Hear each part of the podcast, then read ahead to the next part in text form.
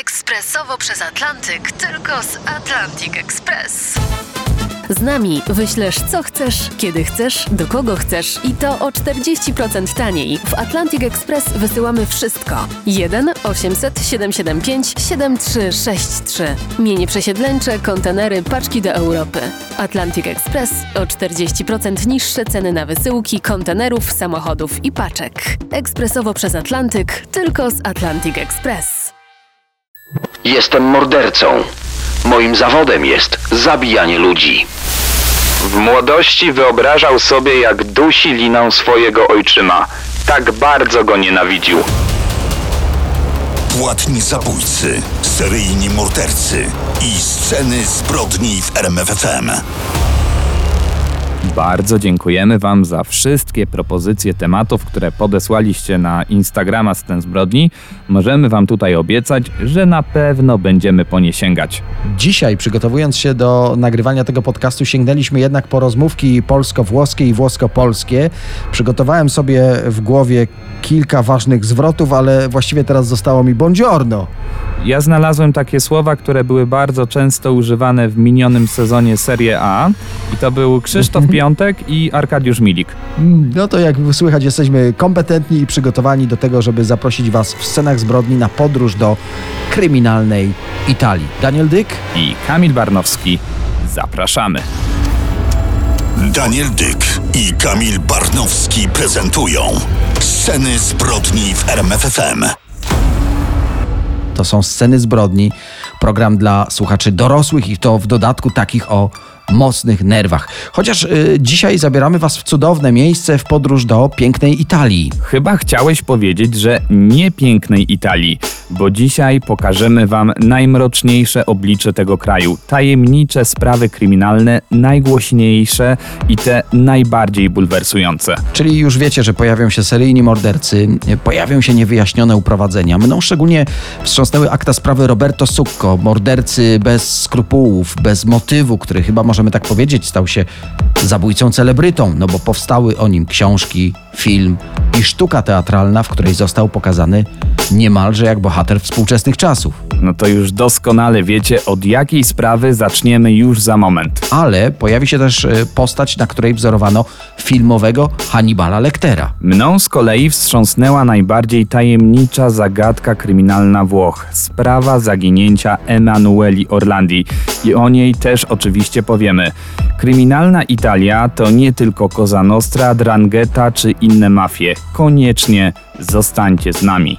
Na początek Roberto Succo, znany bardziej jako potwór z Mestre. Nasi słuchacze mogli także słyszeć o niejakim Roberto Kurcie, bo pod takim nazwiskiem również mordował. Prasa nazywała go także mordercą o lodowatym spojrzeniu, zwany był także zabójcą pełni księżyca czy Cherubino Nero, mroczny cherubinek. Ja go będę jednak w swoich myślach nazywał potworem z Mestre, bo, bo z tym miejscem był związany. Właśnie w Mestre się urodził w 1962 roku. Tu zamordował po raz pierwszy i w Mestre został ostatecznie zatrzymany. Dodajmy, po miesiącach ucieczki. W tym czasie zwiedził spory kawałek Europy i było to niezwykle krwawe tournée. A jak dla mnie, to określenie mroczny cherubinek jest najtrafniejsze. On był bardzo wrażliwym, uroczym chłopcem, zamkniętym w sobie, raczej trzymał się na uboczu, trudno nawiązywał znajomości. Ale zwróćmy też uwagę, że od dziecka łatwo tracił panowanie nad sobą. Jego rodzina wspomina, że często jeździł do wujka na wieś, ale zamiast bawić się z rówieśnikami z sąsiednich podwórek, wolał chodzić na wycieczki po górach. Podobno tylko tam, samotnie wśród dzikiej przyrody i tych majestatycznych szczytów, czuł się sobą. Niewykluczone, że w góry czy do wujostwa w ogóle chętnie wyjeżdżał, by uciec od nadwrażliwej matki. Na każdym kroku go napominała, starała się wychować go na porządnego chłopaka. No i nie wiem, czy nie przyniosło to odwrotnego skutku. Podobno nigdy do swojej matki nie powiedział mamo. Rzeczywiście, w tej rodzinie dla niego autorytetem był ojciec, policjant. Ojca słuchał i szanował, może także bał się go, a może jedno wynikało z drugiego. Jeszcze a propos jego sposobu spędzania wolnego czasu, to ma też znaczenie dla tej historii. Roberto zwykle nosił przy sobie nóż myśliwski, taką finkę. Jeśli ktoś był w harcerstwie, na pewno kojarzy. Na górskich wycieczkach to rzeczywiście miało uzasadnienie, ale on z tym nożem praktycznie się nie rozstawał. Lubił też rzucać nim po prostu tak dla zabawy do celu. No i właśnie, tak docieramy do tego feralnego dla niego i jego bliskich roku 81. Nie wiemy, co takiego sprawiło, że nagle puściły u niego hamulce. Pierwszy niepokojący sygnał to szkolna wycieczka. Traci panowanie nad sobą. W czasie kłótni z kolegą wyciąga nóż i grozi, że go zabije. ale do prawdziwego dramatu dochodzi po jego 19 urodzinach. Chciał wybrać się na przejażdżkę samochodem swoich rodziców, jednak mama nie chciała mu dać kluczyków. Zagroził, że sobie coś zrobi. Sięgnął po nóż, krzyczał, szantażował mamę. Wtedy dochodzi do dramatu. Widząc, że matka przestraszyła się tego, że jej kochany syn może sobie zrobić krzywdę, widząc, że okazała słabość, wbił nóż w jej pierś. Następnie zaciągnął mamę do łazienki, zanurzył w wannie i trzymał pod wodą tak długo, aż przestała wydawać jakiekolwiek oznaki życia. Ale to był dopiero początek tragicznych wydarzeń tego dnia. Już za moment w scenach zbrodni wrócimy do chwili, w której w Roberto Succo obudził się potwór.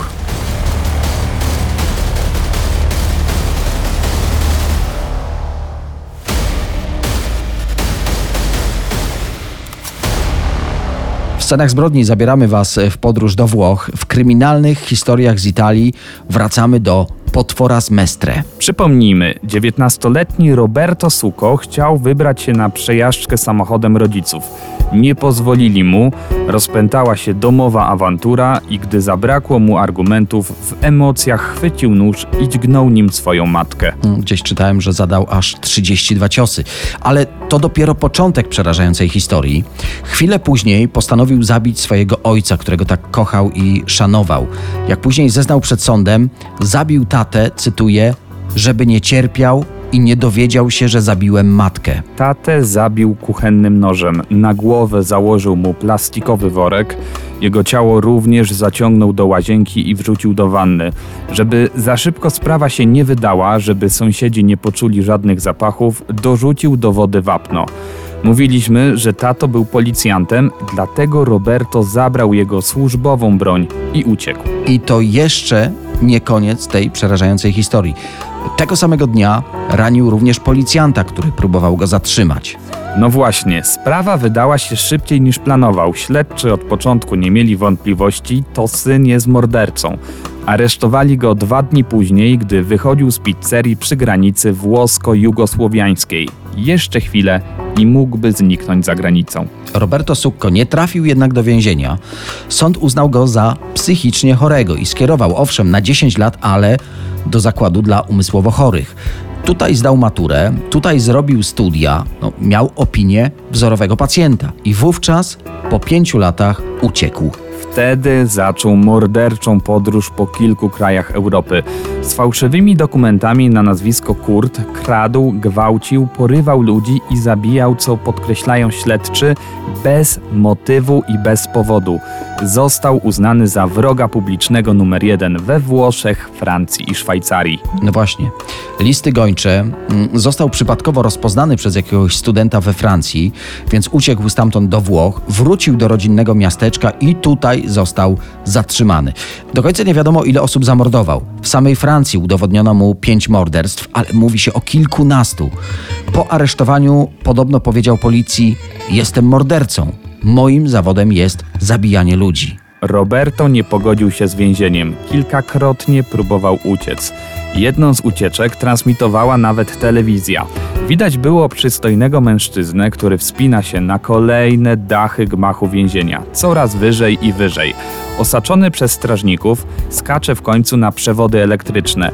wisi na nich chwilę, ale ostatecznie nie wytrzymuje, puszcza przewody i spada z dużej wysokości. Pisały o tym następnego dnia szeroko wszystkie włoskie gazety, ale co ciekawe, obejrzał tę transmisję telewizyjną dramaturg Bernard Marie Colté i napisał sztukę poświęconą Roberto. Później powstała na jego temat książka, a w końcu w 2001 roku głośny film, w którym tego bezlitosnego seryjnego mordercę przedstawiono jako buntownika wobec norm tego świata. Roberto Suco nie doczekał procesu. W 1988 roku popełnił samobójstwo we własnej celi. Teraz w scenach zbrodni kolejny potwór z Włoch. Tym razem Pietro Pacciani, określany w prasie Mostro di Firenze, potwór z Florencji. Urodził się w 1925 roku, ale ten wspomniany potwór urodził się w nim, gdy miał 41 lat. Wówczas zamordował po raz pierwszy, ale od razu zamordował dwie osoby. No to właściwie jego modus operandi. Zwykle mordował pary. Tą pierwszą parą byli Antonio i Barbara. Oboje koło trzydziestki zostali zastrzeleni z pistoletu w niewielkiej wiosce pod Florencją. I uwaga, za to morderstwo został skazany mąż Barbary. W myśl zasady, że najczęściej winny jest mąż, i tak trafił na 16 lat do aresztu. Dopiero po latach zaczęto przypisywać te zbrodnie Pietro Paccianiemu. W sumie uznaje się, że Pietro zamordował pomiędzy rokiem 68 a 85 aż 8 par młodych ludzi. Zwykle ciała znajdowano w jakichś niezwykle charakterystycznych okolicznościach, tak jakby te sceny zbrodni w jakiś sposób przygotowano, zaplanowano. Zawsze było w tych inscenizacjach coś zagadkowo przerażającego. Morderca zabijał pary, ale to jednak kobiety były jego głównym celem. To je szczególnie okaleczał. Morderca dopadał swoje ofiary najczęściej w samochodach, ale zdarzało mu się także zamordować parę turystów w namiocie. Bywało, że dzwonił do ich bliskich, informując, że już nie wrócą, a w jednym przypadku wysłał fragmenty ciała sędziemu, który pracował nad tą sprawą. Bezczelny, brutalny i niestety wiele lat nieuchwytny. Dodajmy, że to właśnie seryjny morderca Pietro Pacciani zainspirował pisarza Tomasa Harrisa, tego, który napisał głośny cykl powieści o Hannibalu. To właśnie na podstawie tych książek powstały później filmy z najgłośniejszym z nich Oscarowym Milczeniem Owiec. A Hannibal Lecter stał się częścią naszej mrocznej popkultury. Zaczęło się jednak we Włoszech. Te 16 ofiar to liczba prawdopodobna, ale może nie być ostateczną. W każdym razie o tyle go oskarżono, gdy w końcu został aresztowany w 1993 roku. Został skazany na karę 14-krotnego dożywocia, ale wyobraźcie sobie, 3 lata później, po apelacji, został uniewinniony. Sąd wznowił pracę, uniewinnienie anulował, ale ponownego procesu Pietro Pacciani nie doczekał. Zmarł na atak serca. Dodajmy, że śledztwo wykazało, że przynajmniej przy połowie z tych zabójstw potwór z Florencji nie działał sam. Skazano dwóch jego wspólników, jednego na dożywocie, drugiego na 26 lat więzienia. Kolejna z tych mrożących krew w żyłach. Zaginięcie Emanueli Orlandi. Jedna z największych zagadek kryminalnych we Włoszech. Od 37 lat Emanuela Orlandi nie dała żadnego znaku życia. Hipotezy co do jej dalszych losów rozpoczynają się od ucieczki z domu, a kończą na spisku Watykanu z włoską mafią. Ale wiesz co teraz powiem? Jak to u nas? Po kolei. Emanuela Orlandi mieszkała w Watykanie, miała czwórkę rodzeństwa. Piękna 15-letnia dziewczyna. Skończyła właśnie drugą klasę liceum. Jej tata Ercole Orlandi pracował jako świecki urzędnik w Watykanie. Zajmował się głównie organizacją papieskich audiencji. Jest 22 czerwca 1983 roku. Emanuela, jak zwykle, idzie na lekcję gry na flecie. Kilka minut przed 17, gdy znajduje się w okolicy Piazza Navona, zaczepił ją kierowca oliwkowego BMW. Około 40-letni mężczyzna zaproponował dziewczynie dorywczą pracę. Miała ona sprzedawać kosmetyki podczas pokazu mody.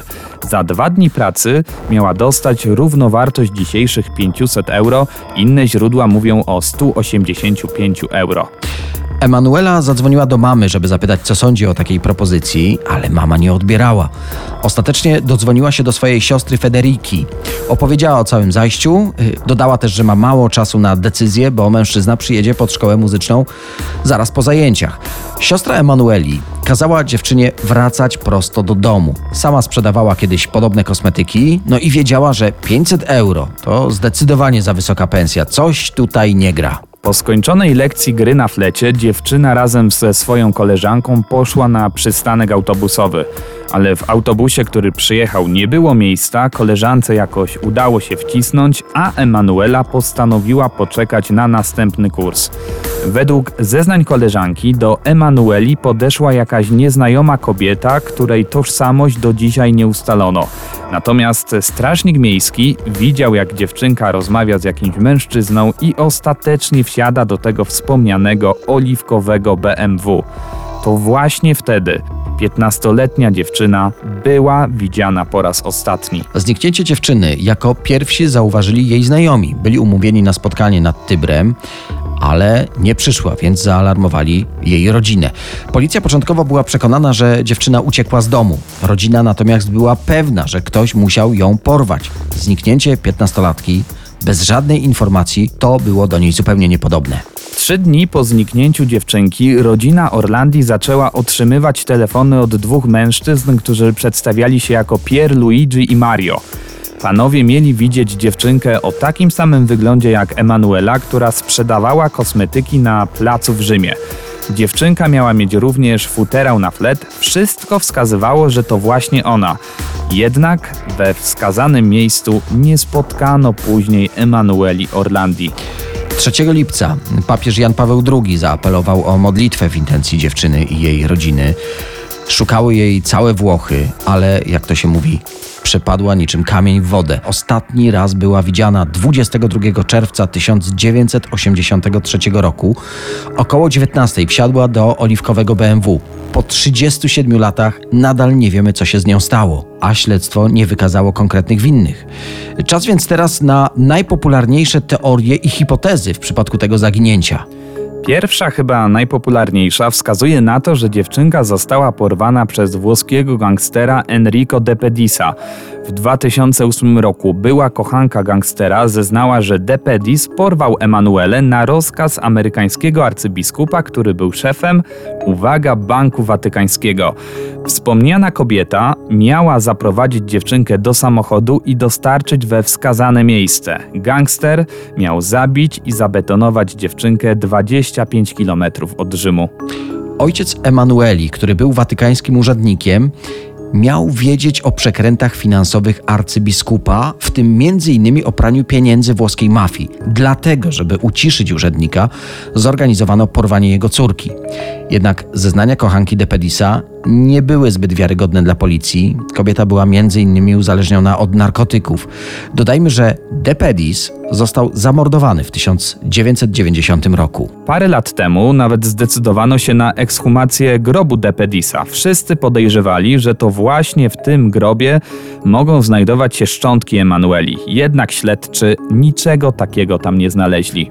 Ale jest jeszcze inna wersja, która wskazuje na winę De Pedisa. Jego gang, czyli banda Della Maliana, miał uprowadzić Emanuele Orlandi po to, żeby zaszantażować Watykan. W ten sposób chciał odzyskać pieniądze, które stolica apostolska przekazała Solidarności jako pomoc w walce z komunizmem. No, polskiego wątku w tej historii raczej się nie spodziewaliście. Te pieniądze miały należeć do mafii, ale osoby, które je rozdysponowały, miały o tym nie wiedzieć i tak powstał wielomilionowy problem. Wspomnieliśmy też, że strażnik miejski widział, jak dziewczyna wsiada do BMW. Na podstawie jego zeznań stworzono portret pamięciowy kierowcy tego samochodu. Nieznajomy kierowca, który zaczepił dziewczynę, według zeznań strażnika oczywiście, był łudząco podobny do Enrico de Pedisa. Mówiliśmy też o tym, że Jan Paweł II wzywał do modlitwy za dziewczynką. Potem kilkukrotnie powtarzał ten apel.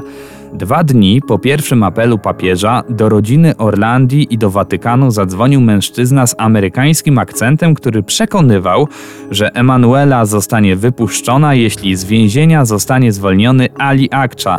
Tak, ten zamachowiec, który chciał zamordować papieża. Nieznajomy rozmówca twierdził, że reprezentuje interesy organizacji terrorystycznej. Na potwierdzenie tego, że dziewczyna jest w ich rękach, podesłał nawet zdjęcia nut, na których dziewczynka miała ćwiczyć grę na flecie. Później Ali Akcza poinformował, że dziewczyna żyje, no ale wiarygodność jego zeznań jest tak naprawdę żadna. Przypomnijmy, że przecież to on w jednym z wywiadów przyznał się, że jest nowym wcieleniem Jezusa. Teorii w tej sprawie jest naprawdę sporo. Kolejna, którą brali pod uwagę śledczy we Włoszech, jest ta, według której dziewczyna sama uciekła z domu. Emanuela miała się nawet zwierzyć swojej przyjaciółce, że chce uciec i zacząć życie na własny rachunek. Jak wspomniała ta koleżanka, w dniu zniknięcia Emanuela zachowywała się bardzo nietypowo i była roztrzęsiona. No to jednak raczej mało prawdopodobne, żeby po tylu latach nie odezwała się do swoich rodziców, no chyba, że ktoś jej na to nie pozwala. To wszystko, co usłyszeliście, to tak naprawdę mała część rewelacji na temat zaginięcia tej 15-letniej dziewczyny. Co jakiś czas gazety we Włoszech ekscytują się nowymi odkryciami w tej sprawie. Włoska prokuratura twierdzi, że jest coraz bliżej rozwiązania, a każdy nieznany grób na terenie Watykanu próbuje się łączyć ze sprawą Emanueli Orlandi. Jedna z gazet podała nawet informację, że stolica apostolska od początku wiedziała, gdzie jest dziewczyna i pokrywała jej wszystkie wydatki. Każda, nawet najbardziej absurdalna informacja na temat Emanueli natychmiast pojawia się na czołówkach włoskiej prasy. No, a to dziewczyna przeszła operację plastyczną i wyszła za mąż za obywatela Turcji, a to była widziana w Holandii, Paryżu, na południu Włoch.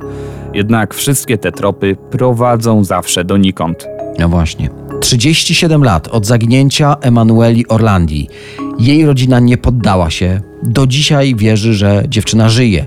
Czekają na jakąkolwiek informację od niej lub wiarygodną informację na jej temat. Dla tych, którzy lubią kryminalny dreszczyk, przygotowaliśmy historię prosto z Italii. Teraz Maurizio Mingela, czyli dusiciel z Genui. To właśnie on odpowiada najprawdopodobniej za śmierć 10 kobiet. Urodził się 16 lipca 1958 roku. Miał czwórkę rodzeństwa. Gdy był dzieckiem, jego mama rozwiodła się z jego ojcem, poznała kolejnego partnera życiowego i właśnie ten nowy mężczyzna zdecydowanie nie był przykładnym ojczymem. Alkoholik, terroryzował i bił dzieci, zamieniając ich młodość w prawdziwy koszmar. Jak później przyznał Mauricio, w młodości wyobrażał sobie, jak dusi liną swojego ojczyma. Tak bardzo go nienawidził. Chłopak w szkole też nie radził sobie za dobrze. IQ na poziomie 70 punktów, miał problemy z przejściem do następnej klasy. Swoją kryminalną kartotekę otwiera jako nastolatek, kradnąc skutery i samochody z okolicy. Wydarzeniem, które mocno zmieniło Mauricio, była śmierć jego brata w wypadku samochodowym. Od tego momentu pojawiły się u niego skłonności do nekrofilii.